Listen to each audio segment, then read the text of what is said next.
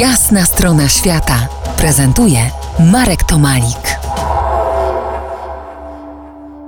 Dziś moim gościem Beata Lewandowska-Kaftan, geograf, wydawca, kobieta w podróży od 15 lat w głębokim związku z Afryką.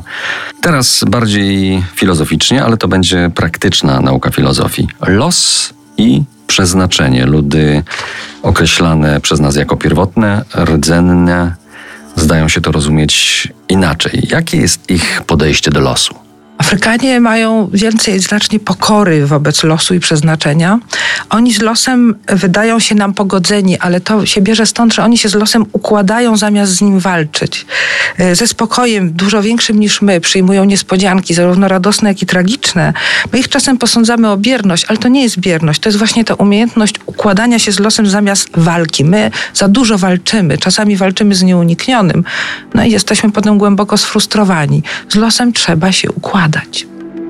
Jak y, z Twojej obserwacji wynika, czy bardziej pragmatyczne są w tym względzie kobiety, czy mężczyźni tam oczywiście w Afryce?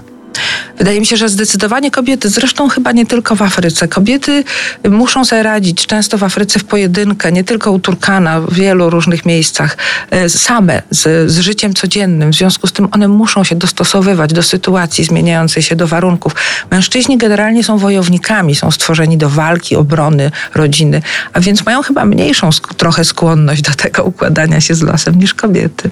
No a teraz chyba nie muszą walczyć, tak troszkę to chyba zdarza. bardziej odpoczywają. E, to się zdarza, aczkolwiek rzeczywiście zdarzy, zdarza się, że walczą, na przykład właśnie w rejonie jeziora Turkana to się zdarza, natomiast mm, zmieniły, wychodzą troszeczkę ze swoich ról i to, to jest jeden z powodów, dla których rola kobiety y, rośnie, bo one zostają w swoich rolach matek, y, osób zajmujących się domem, a mężczyźni często w wyniku jakichś zmian, czy klimatycznych, czy urbanizacji, tracą tereny łowieckie, tracą tereny pastwisk i jakby ich rola się zmienia, maleje, oni się często nie potrafią z tym pogodzić.